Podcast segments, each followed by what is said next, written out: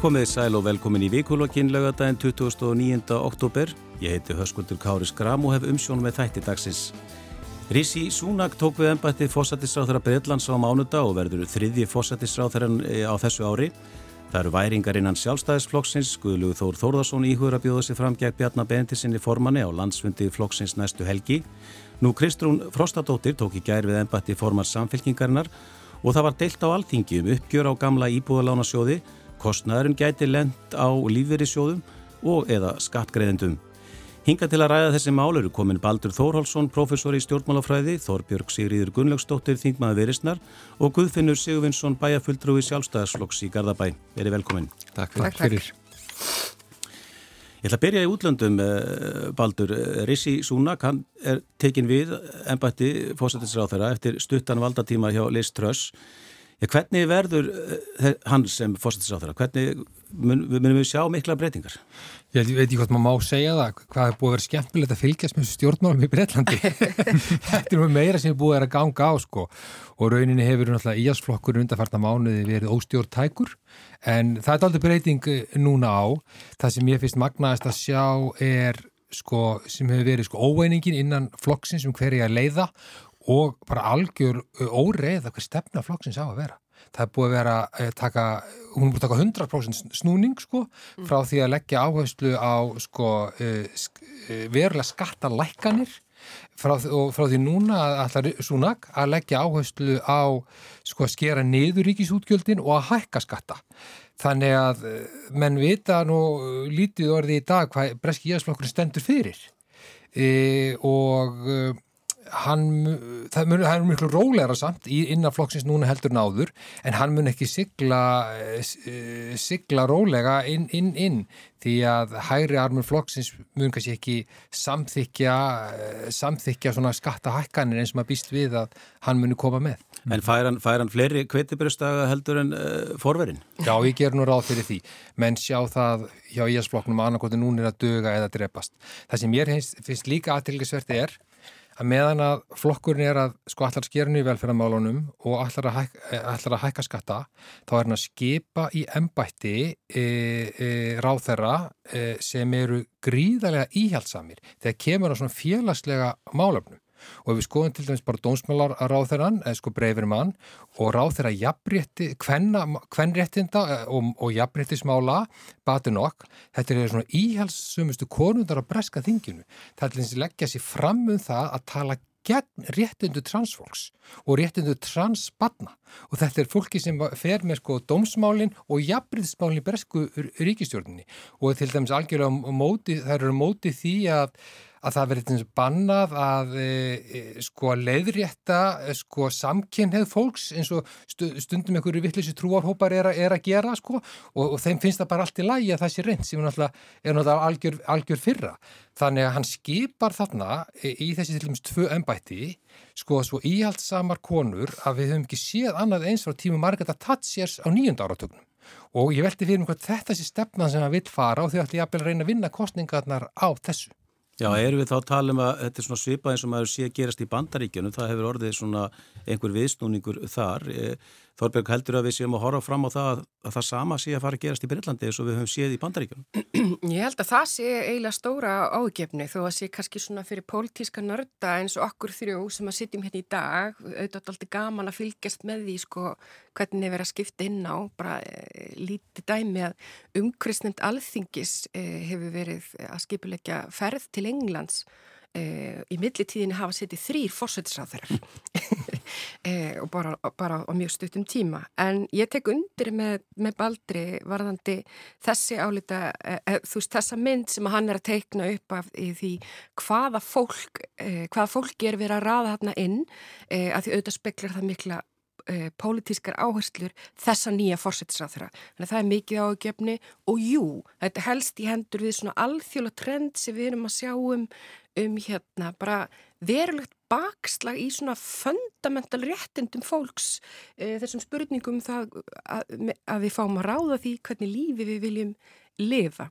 En e, ég er líka sammála því mati að íhaldsflokkurinn er auðvitað uh, getur varla staðið undir nafni um það að vera stjórntækur með hvernig sko öll þeirra vandræði og öll þeirra vandamál eru sjálfsköpuð uh, innanbúðar vandræði og hafa einhvern veginn ekki þó að mál með, með Boris Johnson hafi snúist um einhverja gardveislur og, og, og COVID-mál sem hann skilst nú að sé hérna hafi ratað í fjölmila vegna nýja fórsetisráður hans að myndatökur síni það að sko, þetta sé svona, eh, myndirnar hafi verið teknar úr glöggum fjármálransins eh, og hann sé svona höfupörinn þarna bakvið, veit ekki hvort það er satt Þetta er þessi skemmtilegt blótt En þetta góð saga, já, já, já. Svona spæjarinn í mér fór hans að flög því ég heyri þetta en hérna eh, þetta er, rótin eru auðvitað bara Brexit-málinn þeirra, þeir hafa ekki náð sér almeinlega á lappir og fætur eftir að e, þessi brexit ákvörðin þeirra var tekin e, og allt sem hefur komið í kjölfarið er afleng þess. Já, Guðfinnur, hefur þú fylgst með þessu? Já, svona aðeins með öðru auganu og, og ég er svona samála sem í, í þeim greiningu sem hér kom, hafa komið fram um þessa polariseringu sem að maður er að sjá Já. Viða um lönd og, og mér finnst afar hættuleg og, mm. og hérna Uh, þegar maður hóður til bandaríkjana sko það var gefin út fyrir fáinnum árum bókum búsfeðga og hún heitir einfallega The Last Republicans þannig að í rauninni gamli republikanaflokkurinn sem að var nú kannski engin svona föndurklúpur heldur þannig þóttan alveg hæfilega hægri sinnaður að, að hann er í rauninni liðin undir loku og eitthvað allt annað batteri komið þarna upp sem á rætu sínar í, í tepósreifingunni og, þess áttar hlutum. Og þetta er auðvitað og svo er þetta líka gerast alveg líka til vinstri, menn einhvern tíman er, við erum komið með miklu harðari vinstri pólitík líka viðanblönd um og ég menn einhvern tíman hefði til dæmis bara hérna heim á Íslandi hugmyndun sósélistaflokk verið hlegin út af borðinu mm -hmm. en, en er núna komin inn og, og tekin alvarlega. Þannig að þetta er eh, sko ég, það er erfitt að greina hvað rætur þessa alls liggja. En ég held að það sem að maður vonast til að fara að gerast núna við förum að tala fyrir auk, aukinni skinsemis hyggju og að byggja brýr á milli flokka.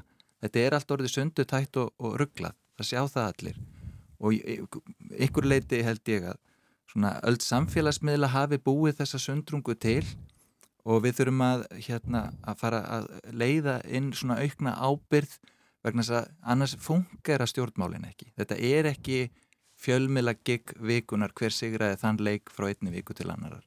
Og eins og Baldur er nefna hérna með þessi íhaldsum með gildi sem þarna er að byrtast hann hefur líka talað fyrir því að hann vilji útrýma kynhlutlausum orðum og slíku ég er ekki hrifin að þessu, mér finnst þetta algjörlega skjálfilegt. En ef við horfum að breyðu línum það bara örstuðt, sko, hann tekur náttúrulega ekki við góðu búi og, og hún, fer, hún var einhvern veginn allan tíman eins og hindi háljósónum, Liz Truss eh, hennar verið minnst fyrir það að sennilega vera síðasti fósettis á þeirra Elisabethar og fyrsti Karls, það er nú, svo, hún kemur inn með 45 daga á svolítið merkilegum tímapunkti, mm. en svo bara þetta alls er að klúður. En hann átti góðan spretti fyrirspurna tíma þingsins, hann er að vinda ofan af þessu með ábyrgum hætti, hann er líka svona, hann er fyrsti hérna, fósittirstáðurna sem er indveskum uppruna og er hindu, þannig hann er, hann er öðruvísi, ég held að hann eigi að fá séns til þess að sanna sig, mm, skára væriða nú. Og, og svona ímislegt annað svona virðist í lægi en svo eru fleiri þættir en, en kannski bara Brexit, það eru þetta stríði í Úkrænu, orkukrísa og fleira. En í öllu falli þá er það vant fyrir okkur öll hér á Vesturlöndum að þessi óstöðuleiki í Breitlandi og í efnahagslífi uh, þess og, og, og óstöðuð stjórnafar og svona þvæla og vittlisa hjálpar alls ekki til. Þannig að maður verður að vonast í þessu að, að hann nái tökum á þessu með samfærandi hætti. Það hefur verið frólitt að fylgjast með á síðustu árum hvernig þessi stóru hefðbundi flokkar í Evrópu, þessi hefðbundi sko hægri flokkar og, og jafnamannaflokkandir eigundu högg að sækja. Þeir í flestu ríkjum, þeir eru bæðurinn búin að klopna til hægri og yfir á, miðj, á, á, á miðjuna. Og við sjáum þetta bara hér sko að sjálfstæðarflokkurinn orðin minni heldur en að var e, samfélkingin líka. Þetta er bara afleðingar sömu hlutunum. Það sem gerir síns að í Breitlandi að það er einminnskjörðamakerfi að flokkurinn verður að halda saman, mm. annars kemst hann aldrei nokkuð tíman aftur til valda, mm -hmm. þannig að átökin sem við sjáum byrtast í klopningi í flokkana reyni, og fylgis sko rauninni, miklu fylgist tap þessa stóru flokka hér og hálfgerum klopningu líka byrtist bara í innanflokks átökunum Breitlandi, menn verða að halda saman ef eitthvað tíma að halda áfram að halda völdum þeir, og þeir get ekki brotið, brotið sér upp þeir get ekki klófið sér út eins og raunin þeir myndu vilja og væri miklu eðlilega að breski íðarsflokkurinn skiptist í, í nokkrar sko flokka því að þannig það er svo gríðarlega mikil ágjörningur innan hans Þessi orðræða sem þessir, ég, ég ætla að nota orðið öfgahægri flokkar hafa, hafa verið að nota og, og margir stjórnmálaflokkar vildu bara ekki taka þátt í. Hún hefur verið að svona lauma sér bakterimegin inn í hérna almennu stjórnmála umræðu mm -hmm. og, og í dag sjáum við kannski já, niðurstuði eða enginni þess að að í Danmörku hafa sósélistar tekið upp allt aðra stefni í útlendingamálum. Við sáum uh, að Svíþjóðdemokrater eh, eru komnir að ríkistjórnaborðinu í, í, í Svíþjóð, uh, Breitlandi þar sem við hefum búin að tala um og, Ítalíu þar sem kostningarna eru ný afstannar. Uh, það er að vera að kjósa í Brasíli um helgina, það eru kostningar í Danmörku núna á miðugudaginn og, og svo eru kannanir sem bendið þess að republikanar séu í sókn í bandaríkjónu núna þegar verður kosið til þings þar í, í byrju nógumbermánar. E, sko, hvað er að gerast, e, Baldur, heldur þú? E, ég, það er ákveðin svona polarisering að eiga sér stað. Sko, það, það sem við höfum kannski séð á síðustu 20-30 árum í vestrannum líraðissamfélögum, það er frjá, sko, frjálslundu öll hafa nátt aldrei yfirhöndinni. Sko það hefur verið komið, komið í gegn lagafröður á, á þingum ríkjana, réttindi kvenna, réttindi samkjörnæra, e, e, betri meðhöndlur innflytjanda og svo, fram, framins margra, margra, margra minnuluta hópa og þessi sjónamið svona frjálsnind abla hafa verið ofan á í umræðinni og í stefnumótuninni. En nú er að, sko, eru sko, sko íhjálpsöflin aðeins að spyrna móti. Og þegar ég tala um íhjálpsöflin sko í stjórnmálafræðinu er ekkit endilega neikvægt hugtakskiliði í, í, í stjórnmálafræðinni, íhjálpsöflin er að spyrna móti og vilja kannski aðeins snúa tilbaka til tíma sem var svo ekkert fyrir löngu síðan bara fyrir 20-30 árum. Og það er bara þessi ádöku sem er að koma og þau er, þeim er að vaksa fiskur um, um hrygg vegna þess að það er meiri sínileiki, til dæmis meiri fjölbreytileiki í samfélagunum, öllum samfélagunum í vestur-Európu, bandaríkjónum, vanandi inflytjendur, samkynneðra, fatlaðir, konur að koma fram, þessir ólíkur nýju hópar er að riðja sér fram á völlin og taka, sér, taka, sér, taka ákveði svið, pláss á sviðinu sem íjarsöfnun er ekki ána með. Ég, mér finnst þetta, ef ég má stökka inn í að, hérna, mér finnst þetta byrtast líka í samfélaginu almennt í svona kynnslóða tókstreitu. Mm. Það er svo mikill hraði á breytingum í alls konar viðhorfum, tækni, ungt fólk er mjög pólitíst en ég upplifa það ekki flokkspólitíst. Það er reygin munur þar á. Þetta byrtist líka í, í afstöðu til umhverfismála hvernig við viljum tækla lofslagsmála alls konar svona hlutir mm. og hvernig lífi við viljum, við viljum lifa almennt. Og það sem er einhvern veginn og þá kemur þetta sem Baldur er í raunin að lýsa með svona fáaðri og fræðilegra hætti en ég hér að það kemur svo viðbráða móti. Þá upplifa henni sem eldri eru að þessi einhvern veginn búin að missa samfélagi sem þið þekktu því fylgir ákveðu óöryggi og það er ekki verið að tala saman og maður sér það svona, ég hef svo gaman að unga fólkinu það er svo miklu áraðinari núna og, og svona skorar á hólm ímislegt sem að, ég held að við sem ungt fólk hefðum ekki gert kakvart eldra fólki, maður setur stundum í fjölskyldubóðum og alls konar og yngsta manneskjan talar eins og hún sé sjötu og messar bara yfir liðinu. Og nefnir þetta er skemmtilegt. Mm. en, en það kemur þá oft svona á eldra fólkið og þetta er svona í einfaldari mynd í daglegu lífi fólks það sem maður er aðeins að upplifa að breytingarnar eru svo hraðar og við erum ekki nógu mikið uh, og þá er viðbæra ofta að verjast þessu. Frekar heldur en að segja, býtu hvað ert að segja og reyna að ebla skilningin og það, það kemur inn á þessa skynnsemishyggju sem ég vil fara að sjá miklu meira í stjórnmálum og í lífinu almennt. Að því að, að því ofta tíðum getur verið ágætt að hafa hæfilega íhaldsemi með frjálslindari viðhorfum og bara nöðsynlegum samfélagsbreytingum og að missa ekki af þeim. Frekar að taka þátt í að leiða þeir heldur en að vera alltaf að breyðast við þeim Ef ég mæti kannski bara aðeins koma inn í þetta þá held ég að það sé stort atriði að því þú ert að telja hérna upp uh, lönd þar sem við höfum séð þetta vera tegnast upp að það þurfa að forðast það og passa sig á því að tala ekki bara um hvað er að gerast í Svíþjóð hvað er að gerast í Bandaríkjunum, hvað er að gerast í Breitlandi, eh, heldur að við séum vakandi fyrir því að hérna, þetta er stort trend sem er að gangi yfir Evrópu alla, sem er að gangi yfir bandarækin uh, og ég nefnir þetta bara í því samhengi að Ísland verður, er ekki og verður ekki undanskilið. Þannig að það, það, það sé svona ákveðin hætta í því að halda Eh, þetta geti ekki gerst í, í íslenskum stjórnmálum. Ég fylgist töluvert með sænskum stjórnmálum, er alveg þar upp og þar er þetta búið að vera gerast mjög lengi. Viðbröð flokkana framanna voru bara við bara, við hlustum ekki á þennan flokk, uh, tók hættunu ekki nægilega alvarlega mm -hmm. uh, og lefðu þessu staldi að gerast.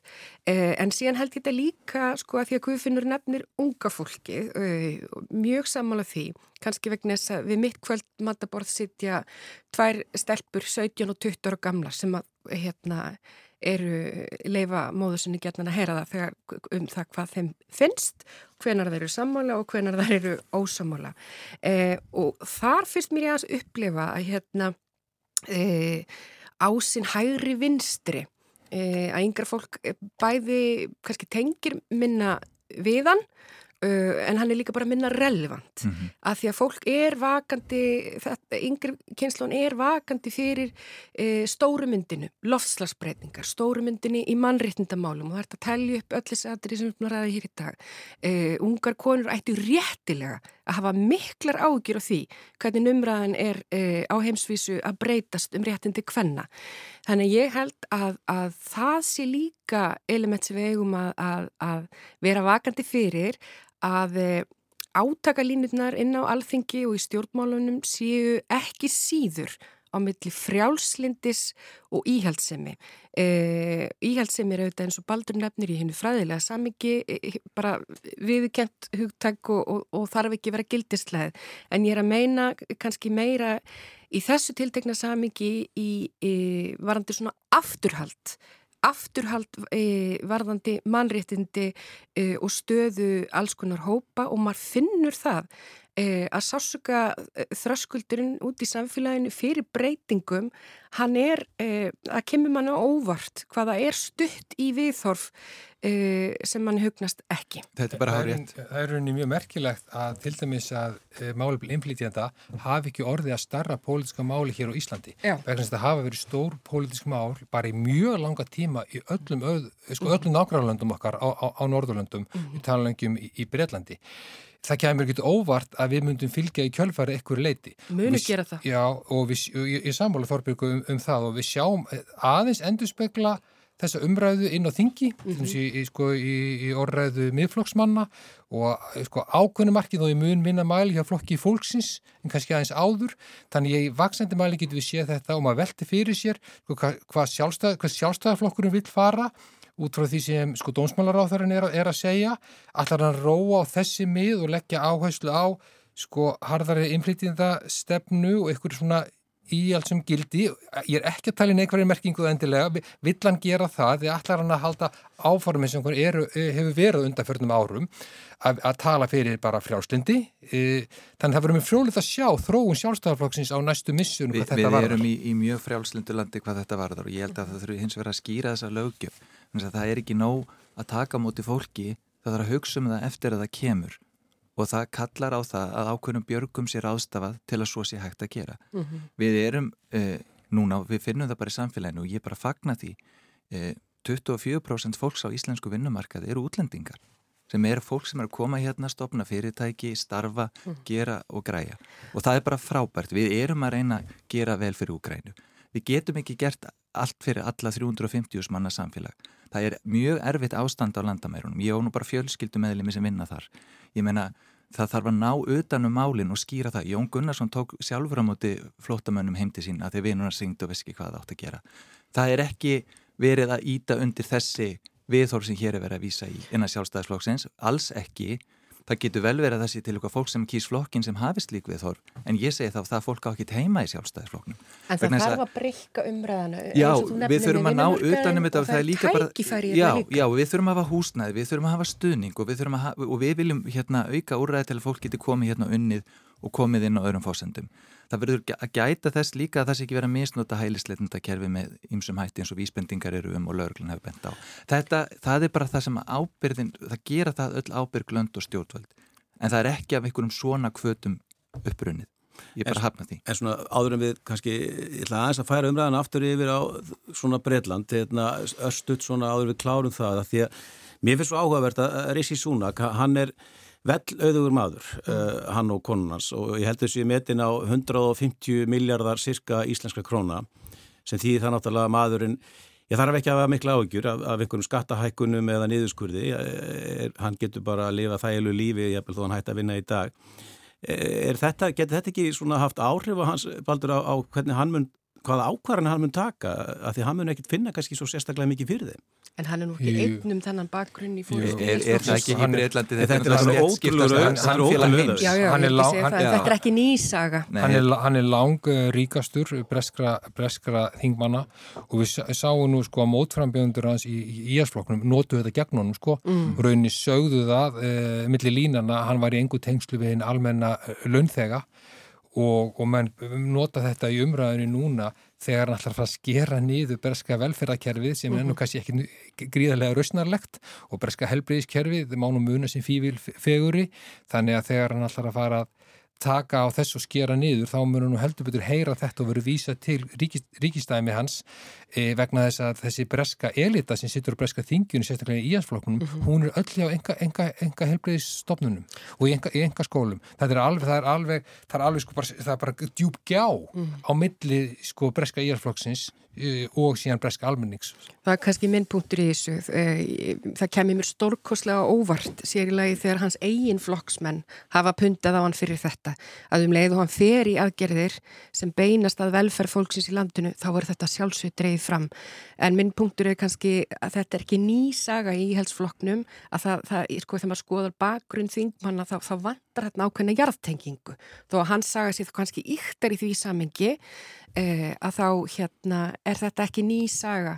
Eh, og síðan er það auðvitað líka bara þannig að stjórnmál og stefna íhalsflokksins gengur út á þetta.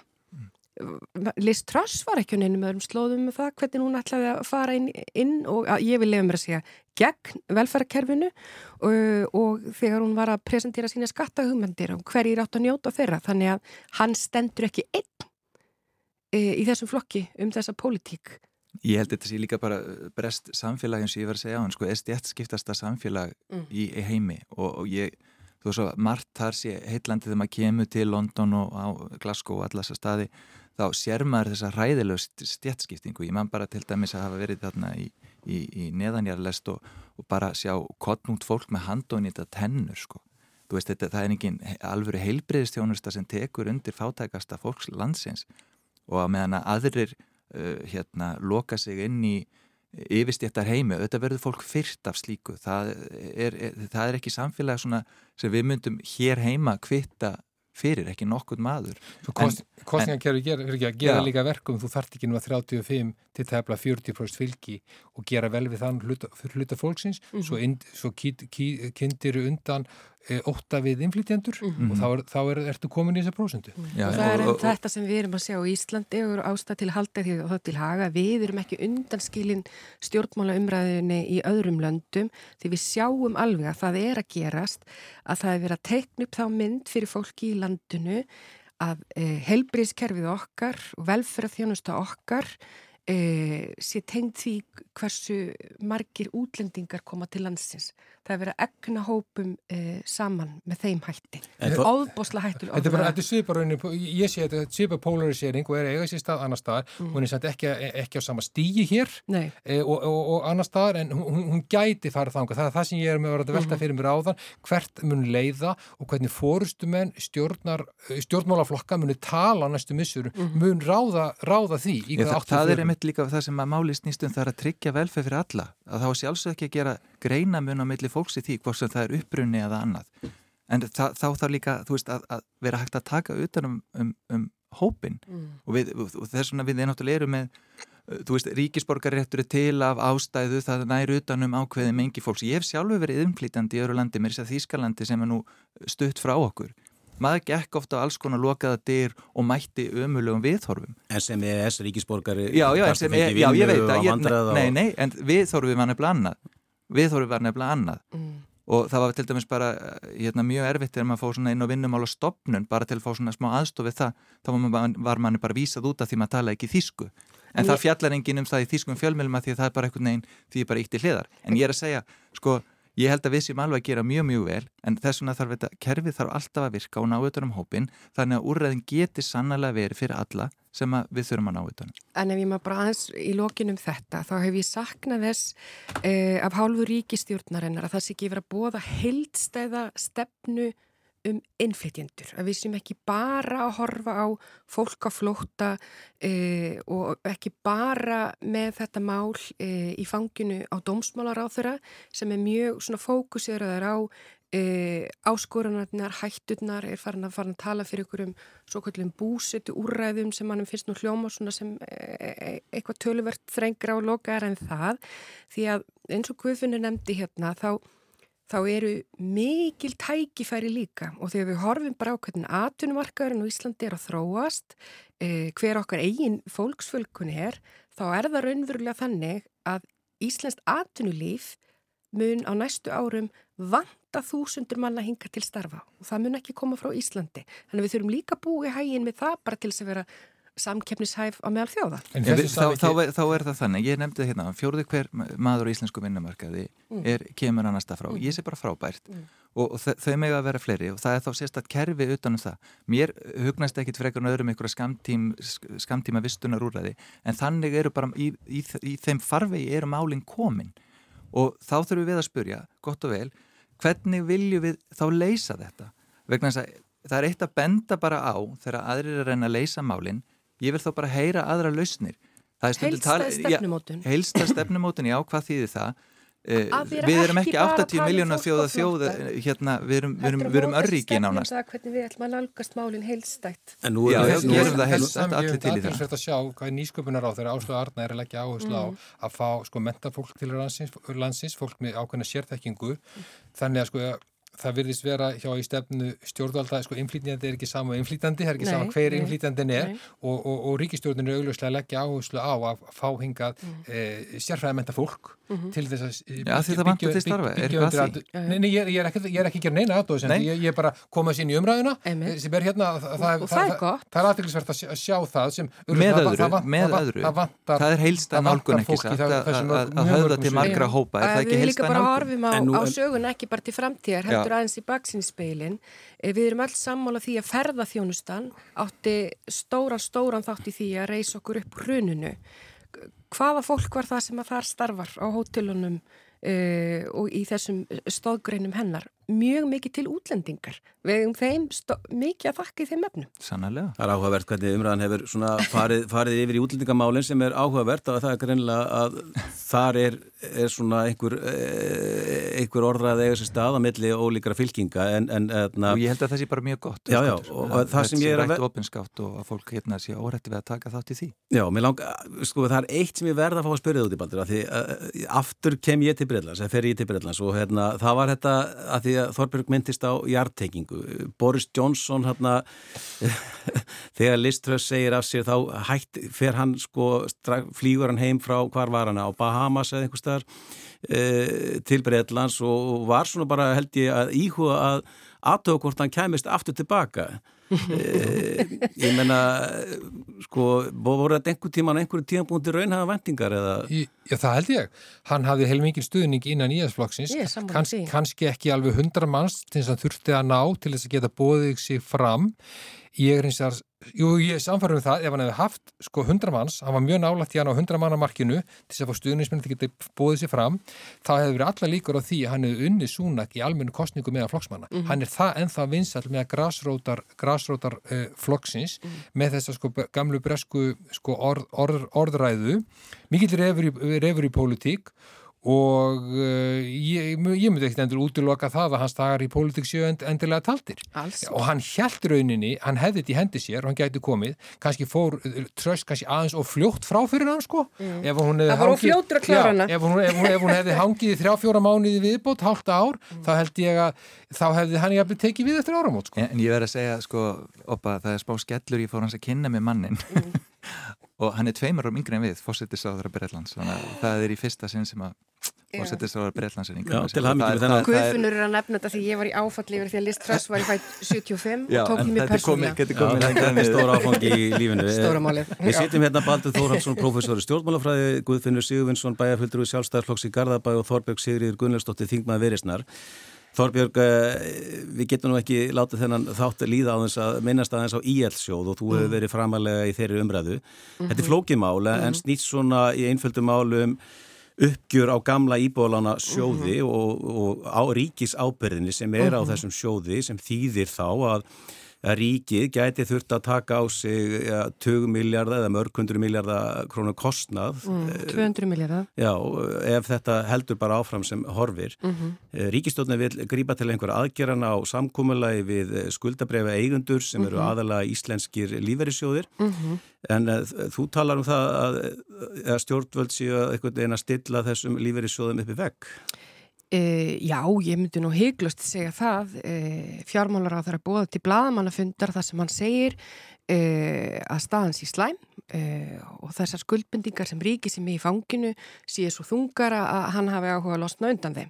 Menna, þessi saga, hún er flókin en hún er líka einföld. E, og á sama blaðamannafundi segir hann e, að gangi þessi samningar ekki upp e, og fólk aðeinar minna hafa nokkra viku til að semja að þá bóði hann lagasetningu og lagasetningu þá með þeirri neyðustuði sem hann vil sjá.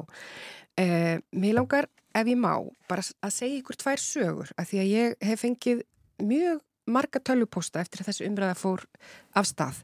Að því að þetta er daldi loðið hvað þýðir það að lífyrirsjóðunir takita, hvað þýðir það að ríkisjóður takita sem að lífyrirsjóðunir og markaðurinn bjóst við að yrði.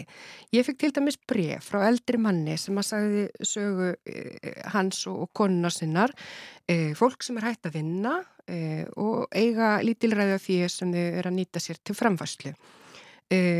Og eiga bref.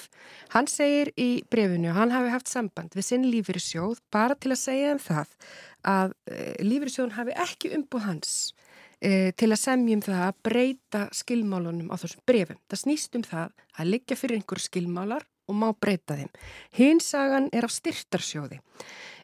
Þar segir kona sem satt í styrtarsjóðs hjartverkra barna í, í nokkur ár þar sem hún sá um fjárfestingar og útgreðslu styrkja til fjölskyldna e, þar sem eru börn með alvarlega hjartakalla. E, hún segir frá því að, að þessi bref hafi verið undirstaðar ekstu sinns og, og að því að þau voru styrtarsjóður vildu á, e, hérna, fjárfesta með ábyrgum hætti og fóru þess vegna inn í svona bref og verði þetta veruleika að þá sé fórsöndum kift undan sjóðunum í þeirri mynd sem, svo, eh, sem hann er í dag eh, og spyr hver mun treysta ríkisjóði verði þetta að veruleika. Það sem er flókið í þessu, eh, eitt eru efnagslegu afleggingarnar en svo er það líka bara lögfræðin og ég sitt í fjárlega nefnd og ég óska eftir því að það verði bara einfallega unnið lögfræði álit til að svara þeim spurningum sem þarna eru uppi. Einn spurningin er til dæmis bara hver, hver eru heimildir stjórna lífyrsjóna til að semja fyrir hand fólksins sem er hérna baki um að breyta uh, skilmálunum. Hinn spurningi sem ég finnst vera áhugaverð er bara hver er lagaleg heimild fjármálar á þeirra til að fara í aðgerð uh, með, með þessum hætti. Uh, svar við svona líkil spurningum þau lík ekki fyrir. Það líkur fyrir lagfræða álit frá fjármálar á þeirra sem vísar í fordæmi Uh, á, á tímum sem að neyðarlögin voru sett uh, þá var hérna eins og við segjum þá var náttúrulega hrun, hér var hrun. Uh, þær aðstæður eru náttúrulega sjálfsögðu ekki í kortunum núna þó staðan sé, sé vissulega slæm. Þannig að hluti af því að standa fyrir ábyrgri hagstjórn eins og fjármálar á þeirra hefur talað fyrir er auðvitað að forsendur og staðrendir og lagaleg staða liggi fyrir þegar hann heldur blaðamannafundi eins og hann gerði það sem hann bóðaði þetta. Uh, Hinliðin er að við sáum viðbröð markaðarins. Það er talað um það að 100 miljardar hafi þurkast upp í kjölfar orða hans uh, á þessum blaðamannafundi að ávöxtunakrafa og ríkiskuldabrif hafi strax hækkað. Það eru þarna undirlíkandi spurningar um hvaða ári hefur þetta lánshæfismat ríkisjós og síðan auðvitað þessi stóra, stóra breyta og bara við sem erum að reyka heimili getum svona sett það í e eigi samingi. Þegar liggja fyrir einhverju skilmálar e og þú ætlar síðan að fara breyta þeim, hvaða áhrif hefur það á tröst og trúverilöku kjölfarið? Það er náttúrulega alltaf þannig að þegar fólk fjárfestir, jafnvel þú það sé gegnum ríkiskuldabrið eða guðvið hvað er þessar örugustu leiðir, þá er alltaf tekin ykkur áhætta. Ef að það væri þannig að við getum bara fjárfest og verið alveg örugum það að við fengjum topp ávöxtun fyrir það sem við erum að setja út, nú þá væru við öll mál drík. Mm -hmm. Það eru þetta þannig það er bara ákveðin áhætta. Það sem að þetta mál allt saman afhjúpar er það, það er bara ekki heppilegt að þið ofinbera sé að vasast í fjármálakerfinu, sé að taka þátt í útlánastarsemi, sé með gamla ráþöra yfir svona batteri en ekki eitthvað fagfólk úr heimi fjármálagerans til að stýra svona. Þetta er allt saman sett að staða til þess að auka einhverja sangirni, réttlæti, félagsleg, eh, jafnvel eitthvað svona félagslega jöfnun og eitthvað, eitthvað slíkt. En svo komum við með þetta því hrunið er hér nefnd að Íbóðlánu sjóðu stóð ekki með almenningi þegar hrunið átti sér staðu. Það var almennabankakerfi sem gætt gert ymsar kunstir. Lífri sjóðunni sjálfur er að lána húsnæðisvexti á mjög góðum kjörum. Ég með lánum mitt sjálfur þar. Eh, það sem að mér fannst, eh, sko, hann fer ekki fram með þennan bladamenn og fund bara ykkur úr tómarúmi, það er búið að undirbyggja málið allt gríðarlega vel, það er búið að starfsópar og störfum, það er búið að taka út hérna málið, gera skýslu málaferðilmengna uppgreðslugjaldana í lokið, það liggja fyrir upplýsingar um helstu eignu sjóðsins og svo framvegs og svo framvegs. Er það, eru það hagspunir fagfjárfestana sem að taka þarna Uh, séns á því að, að fjárfæsti þessu eða lífyrirsjóðuna eða almennis eða hvað sem er að þetta síningin verður bara látin ganga áfram? Einn gaggríni þess sem gerðist ymmið 2008 það nefnilega þarf ekki að verða hrund til að bryða sér við var svo að það hefði ekki verið flagga nógu snemma. Það hefði verið að flagga þessu almenning nógu snemma og það verið að leggja máli fram til umræðu og reyna ná okkur samkómulegi Eh, það er hérna ríkisábyrð á þessu þannig að fólk fær ykkur að fjármunni tilbaka lífeyrissjóðni geta sem eru sko með sérfræðinga í ávöxtun og sínum snærum geta þannig unnið upp uh, það sem að mögulega mun þarna ekkur leiti tapast.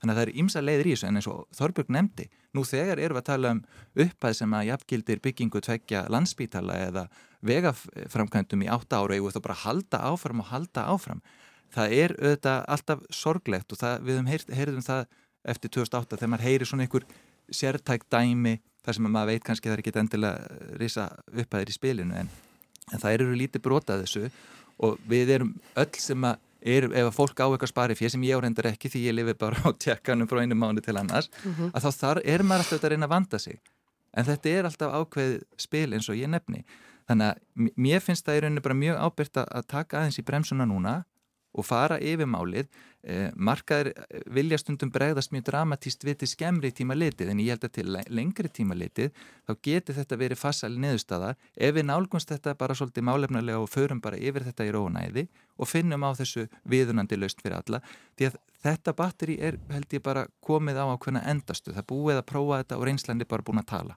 Þorbjörg, hérna, það er alveg ljóst að það, þetta er annarkort skattgreðendur mm. í dag sem mm -hmm. þurfa að greiða þennar reikning mm -hmm.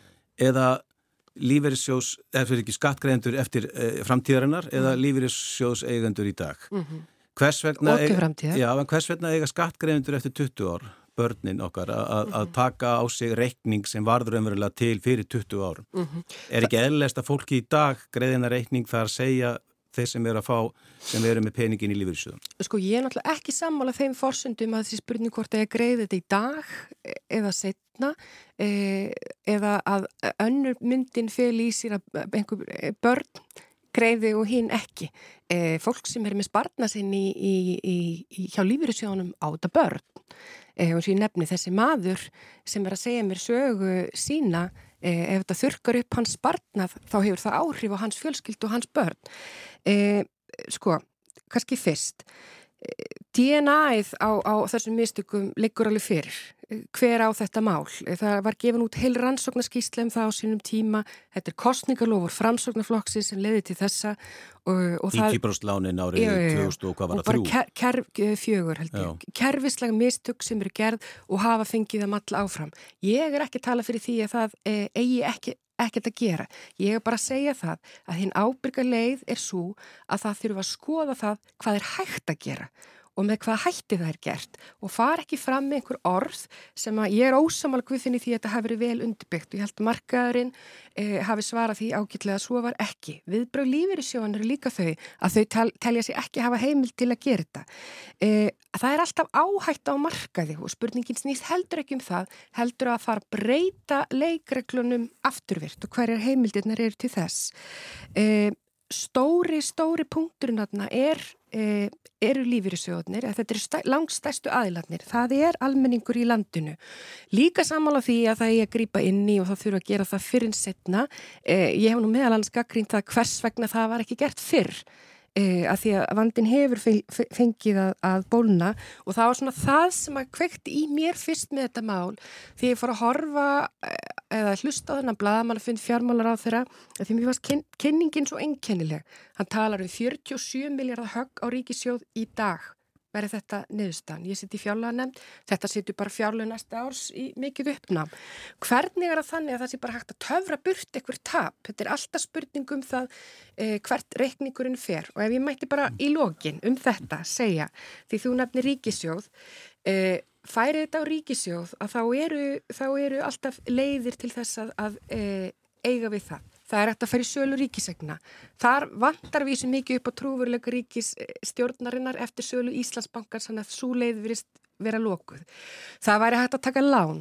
Það er fjármálar á þeirra líka í klandri því hann var komin með ríkisjóðin sinn, hans einn ríkisjóð, eh, hann var orðin ósjálfbær fyrir COVID. Síðan væri hægt að fara að skoða það að abla tekna og það er kannski sápunktur sem ég staldra við að eh, það verðist að vera algjör einhugur um það hjá ríkistjórninni að fara til dæmis ekki í stórútgerðina til þess að abla tekna, til þess að eiga við þetta tap. Og þá komast þau þeirri niðurstöðu. Er ekki bara best að almenningur takir reikningun svo Bjarni gerir það ekki? Ég, ég ætla ekki að blanda mér í deilu stjórnmálamanna hérna um þetta, það sem ég finnst aðklæðisvert sem Þorbjörg var að benda á hvernig svona populískar stefnur eins og 90% lán framsnaflokksins á sínu tíma koma í bakið á okkur mm. kannski tveimur áratugum síðar. Mm. og það er það sem, sko ég nú verið, verið að benda á í síðustu kostningum, sveitastjórnar og alþyggiskostningum að populískar áherslu til því stjórnarflokka og ég hef fengið alltaf bátt fyrir frá flokkonum eðrilega og, og það er svo erfitt að taka á þessu þegar koma populísk mál sem eru vinsæl mm. og menn sjá skamtíma gróðan af því að, að, að kjósa flokkinu og, og fá það 90% láni svo haldið mig, bara, haldið mig við það.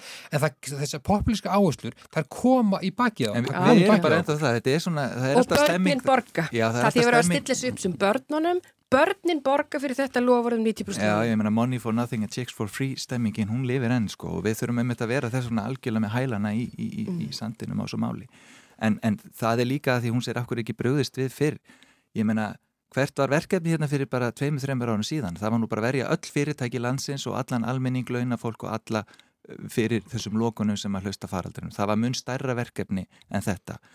Ég, eins og ég var að nefna hér, það búið að undirbyggja þetta tölvert þegar hann kemur með máli fram og það hafa aðri fjármálar á þeirrar verið í ráðunitinu Eh, viðreist fjekk að vísu, ég ætla að vera sangjart stötta í óbytnaðins þeir voru með fjármálar á þeirra og félagsmálar á þeirra já, í átta mánuði gáttu þið minnstakosti flaggað einhverju. Já, eða sínt minnstakosti einhvern áhuga málinu eða það að þið hefðu einhverju lausnir í hyggju og svo fóruðu náttúrulega úr samstarfinu. En það, það er gerði björt framtíð þú verðum að geta sagt eitthvað sagt en ég er,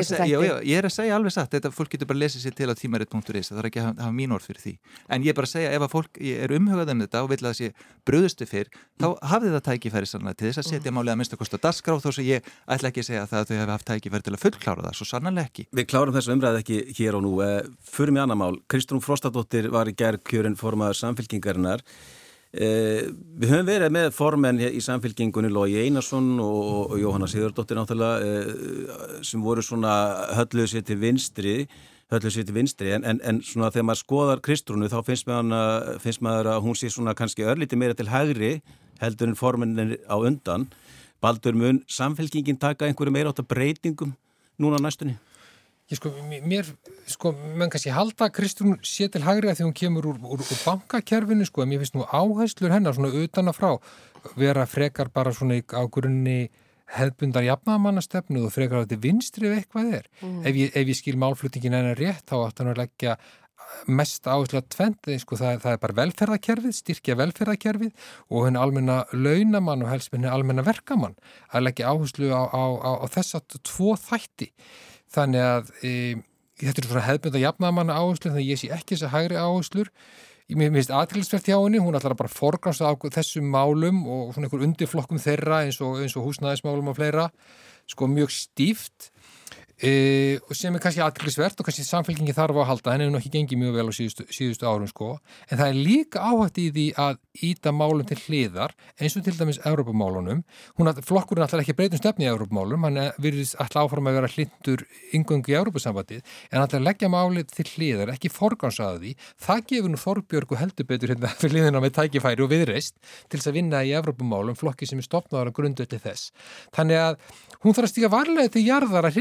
þess. Líka fólk frá sér. Já, en samfélkingin hefur svolítið verið elda vinstri græna í síðustu kostningum og, og er enn. Já, þess vegna og kannski, og hefur verið talað um að viðrist hafi verið umverulega grætt á þessu að gamla kratafylgi samfélkingarna hafa einhverju leiti, en ekki segja öllu leiti, farið yfir til viðristna. Ég sko, samfélkingunni gekk best, þú höfði þetta í miðjunar, þú náði því sko frjálstendir aflagn, ég hef svona hægra meginu í miðjun, þá, þá, þá var hún staðist, ekki mér höfði þetta í vinstri.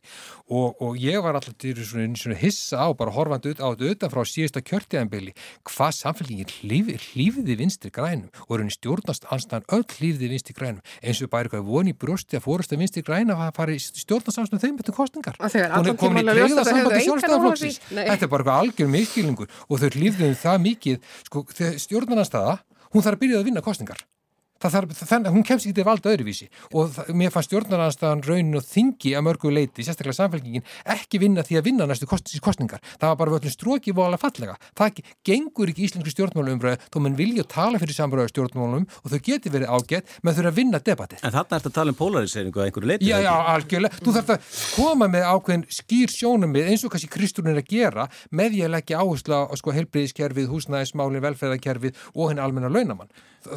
skýr stefna. Kannski ekki endilega polarisering, er ekki að vera það. Mm. Sko, kannski skrítið að heyra út úr munni sjalla og gardabæi af öllum stöðum en, en sko, mér er hlýtt til gamla kratismanns.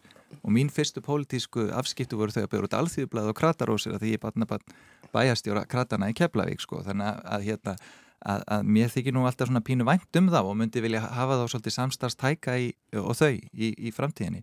Sko, við erum að sjá kratarósina og það er verið að tala um að breyta heitinu í jafnamannaflokkur eh, það er verið að tala um það að hérna, að svona opnaflokki meir og það komið annað svona fólk þarna maður sá þegar hún tilkynni frambóði þá veru gömul andlit farin að sjást á ný eins og til dæmis Ingi Björg Solrún, Össur.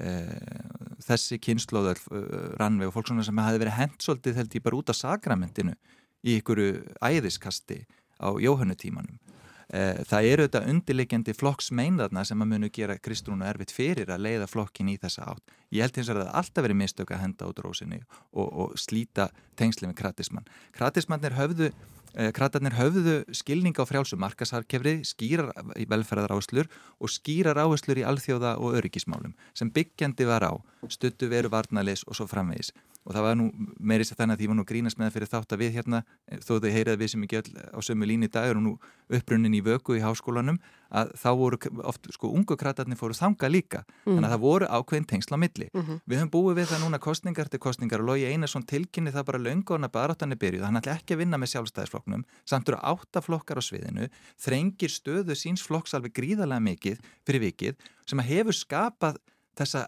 óbáslegu erfileika við að koma alltaf á ríkistjórn og er í rauninni ástæðan fyrir því að hluta til að þessi tiltekna ríkistjórn sem nú setur er til.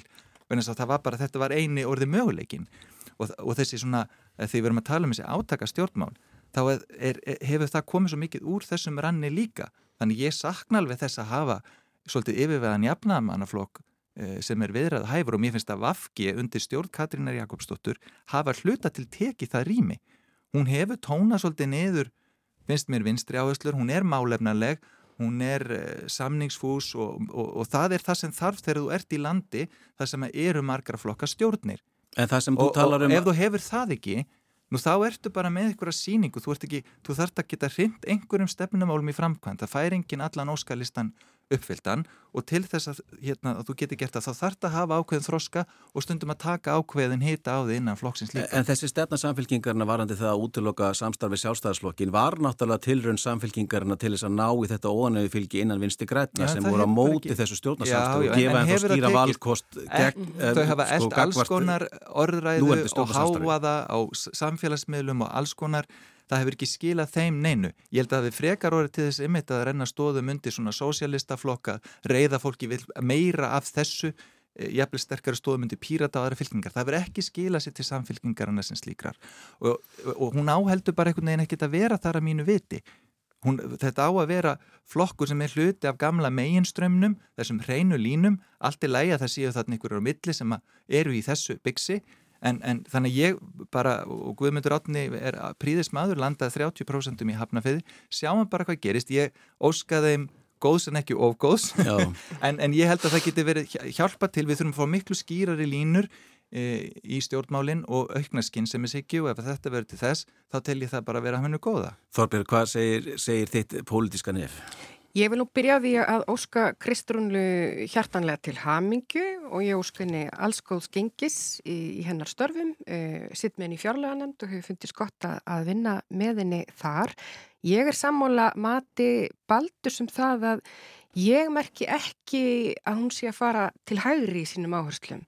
Það ger ég ekki. Mér eru til dæmis fundist hún vera tölvert svag fyrir, svona, fyrir, eh, fyrir sköttum.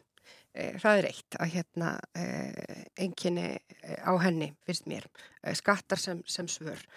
E, og svo er það auðvitað, það er auðvitað munin á því að vera e, þingmaður þar sem að þú hefur sverum til þess að, að einbeita þeirra ákveðnum málaflokkum Við gerum það í mínum þingflokki, við erum ákveðna nefndir og þannig ég tala meira fyrir sumu bara vegna þess að ég er í því og aðri þingmenn fyrir öðru. Um leiðu hún er orðið formaður og þá breytist auðvitað krafan til hennar. Hún er sterk og mikil rött í efnahagsmálunum en eins og baldur nefnir að þegar hún er orðið formaður e, þá kemur auðvitað eh, til þess að hún er í viðtölum um öll mál og alls konar mál. Mm -hmm. e, Evrópumálin nefnir Baldur, ég, mér finnst hún alveg að svara því að hún mun ekki beita sér þar. Eh, sjávarútusmálin er annað, uh, hérna, þannig hún hefur sett svona ákveðin mál á dagskrán, mér hefur svona aðeins fundist með því að hún hefur líka tekið, uh, tekið önnur mál út af dagskráni. Um, en en veist, menna, hún, er, hún var kjörin í gær, eins og ég segi, óskunni er allsins besta um, og hérna hún kom auðvitað mjög bratt inn mér er aðeins finnist halla á loga í umfjöldunum söguflokksins, hann var í, í því hlutverki að reysa flokkin við og það gleimist líka að Lógi og Kristrún voru saman í frambúði í síðustu alþingiskostningum. Það er mjög vandrataði vegu fyrir hana að ætla að einblýna bara tiltegna máluflokka og setja annað til hliðar vegna sem hún þarf, eins og Guðfunni var að benda, hún þarf að breyka flokkin til þess að ná aftur því fylgi sem er farið ja, til viðrisnar, til pírata og, og, og aðra staði. Það, það, það þarf líka vinstir að gera og vinstir grætna, þannig að þetta er, er mjög erfiður vegur sem hún þarf að ræða. Og ég sakna þess að sjá ekki meiri í samfélkingunum líka rinni framstæðaflokki þingmenn talum alþjóðamál, auðvitaðrikis og öryggismál. Tölum um annan flokk sem er að fara að halda landsfund, eh, sjálfstæðarsflokkinni næstu helgi. Guðlug Þór og þess að vangaveldur hans um það hvort hann bjóður sig gegn, fram gegn Bjarnabendi sinni Guðfunur eh, já, hva, hvað er að gerast þannig innan flóksins? Já, það er bara að gerast að það er einn maður að hugsa formarsframbóð það er það sem er að gerast að borðleggja þetta fyrir fram já, ég, ég, meina, mér finnst uh, já, það, það, sko, það ræðst að því hverju fulltróðni verða, Maður, mm. ég hef ekki séð neitt listað við það, þannig að það er ekki kannski hægt að með að við skoðanakannanir eða eitthvað neitt í því það, getur, það er samsetning fundarins sem ræði því á lokum og Guðlug kann að, að smala og hann er vantilega með eitthvað yfirsýni við það sem gerir mm -hmm. það að málið komið á þann stað sem það er. Mér finnst samt svona einhvern veginn áran ef fréttaflutningunum veri einhvern veginn eins og þetta sé eitthvað óeðilegt Þetta er nú staðsti stjórnmálflokkur landsins og mikil fjöldarhefing sem að treystir mjög mikið á prókjör og líðræðslega leiðir í sínu starfi. Að það sé kosið á milli tveggja, já meir en allir aðrir. Eh, að þessi kosið á milli tveggja til formans eh, finnst mér bara óskup eðlilegu hlutur en það hefur það mörgu sinu gæst á, í formast í bjarna eh, Pétur Blöndal böði sér fram, Kristján Þóri böði sér mm. fram, Hanna böði sér fram. Það er ekkit óeðlegt við þetta og, og hérna við þurfum svo bara að sjá en þetta, við vitum auðvitað að svona kostning í öllum flokkun tekur á. Það er alveg sama hvort að það er Sigmundur Davíð, Sigurður Ingi, Jóhanna, Jón Baldvin, Ingi Börg og Össur. Mm. Þetta tekur á, en mm -hmm. sáren verða fló, fljóta gróa og, og ný mér. Guðlur Þór er einfallega búin að segja allt of mikið til að fara ekki fram. Ég held að það sé algjörlega borðlegjandi að það mun hann gera, bara spurningum það hvernig tilkynningin kemur hjartanlega sammála Guðfinn með það, það er ekkert óðulegt við þetta. Eh, en það var á formanni flokksins að skinja, skilja, hún þætti þetta óöðilegt með, með tímasetningun og allt þetta. Það mun ráða úrslitum hvor þeir er búin að vinna sína undirbúningsvinnu betur um að ráða eh, inn á þennan fund. Og ég held að ég veit ekki hvernig þetta? fer en ég held samt að Guðlur getur styrt sig eh, á meðan hann tapar ekki illa. Þa, það er náttúrulega að koma upp á yfirborðið sko ára langur ágreiningur á milli armaflokksins. Hann byrtist í, byrtist í þessu. Ekki nefnilega óalegt við það, það er að koma mm. upp á yfirborðið. Mm. Mér, sko, ég held að Guðluð Þór uh, fara nú ekki fram nefn að hann halda hann geta unnið. Mm. Hann, hann er, er gríðarlega öflugur stjórnmálamadur, hefur alltaf til vita hvað hann að gera. -hmm. Hann er svo þingmar, ef ég man, man rétt, sem hefur mesta, lengsta þingsetu á alþingi frá 2003 -hmm. ef ég, ef ég man, man rétt. Þannig að það verður mjög frólægt að sjá þetta. Bjarni að þessi ólgu sjó en Bjarni hefur nú staðið af sér allar orustur hinga, hinga til. Já, já, e, nýju lífi í pólitík og, og, Hann er svona eins og Bill Clinton hann er svona comeback hit, hann hefur þannig einleika Já, þannig að það verður mjög, en það sem ég er líka aðeins, ég var nú að vonast til þess að ég gæti lesið eitthvað í morgublaðum um þetta, um helgina sko en þögn morgunblæðsins sem formarslægin í sjálfstæðarflokknum er ærandi. Já, reynda, reynda það, er ekki, það er ekki orðum það núna um helgina. Nei, og svo þögn segir mikla sögu um óróleikana bakki Já, þegar hærri sér þögn morgunblæðsins er því meiri ábyrningur er. Fólk sem er að tala hérna fyrir líðræðslu umbótum og svona, en eins og bara með rúsneska kostningar og sínu fóristufólki sé einhvern veginn að tala um einhvern óróleika sem fylgir eðlilegum kostningum Þú var sjálfur að segja þetta væri erfitt, það er alltaf erfitt að kjósa millir tvekja vina, hvað er að því samt? En það er hluta líðræðinu það er bara flott. já, já, en það er svona verið eitthvað að dilja hérna. En mér langar að þess að þú er bara afturlega viðkvæmur. nei, nei, nei, alls ég vil aðeins taka upp hans að því að hann nefndi aðeins þetta með armana því að við hefum ekki haft mikinn tími í sömræðu jú, það eru tveir armar, en það er líka stórt mengi fólks og þar held ég að þessi úslit munur áðast sem er bara sjálfstæðis fólk í hjarta sínu. Og mun bara koma til landsfundarins og þar ráðast úslitin ekki í ykkur talningu á milli tækja arma. En Þeir eru bara hluti. En, en við erum, erum eiginlega búið með tíma. Við erum búið með tíma. Ég langar bara að taka upp hanska fyrir mokkana því það var mokkin baldur sem að, sem að skúpaði þessari... Já, í vikunni. En ég, ég held að ef ég, ég, ég rendi nú um morgurbláð árið í koming og ég sá ekkert núna um helgina. Hvorki lögðast í sunnundagsblæðinu. En svo er líka finnst aðdeglisvert sko að ungu fórustukonur flokksins sem er mjög öflugar sko er ekki blandað sér í þennan slag. Uh, ég ætla að byrja á því að fara í, í crossfit, uh, svo ætla ég að setja þess niður á kaffihús og, og vinna, kannski finna eitthvað skemmtilegt bíó í kvöld og fara út á land á morgun. Þorberg. Mm -hmm. Ég var búin að lofa nýjára dóttumunni að við værim að fara að gera lasagna og hérna svo býst ég við því eins og nýjára konur gera, við horfum á einhverja bíómyndum eitthvað góðan hund í kvöld. Þetta ljóma vel Já, ég, ég ætla nú bara að fara með ábyggu lönns núna. Það er vel gert.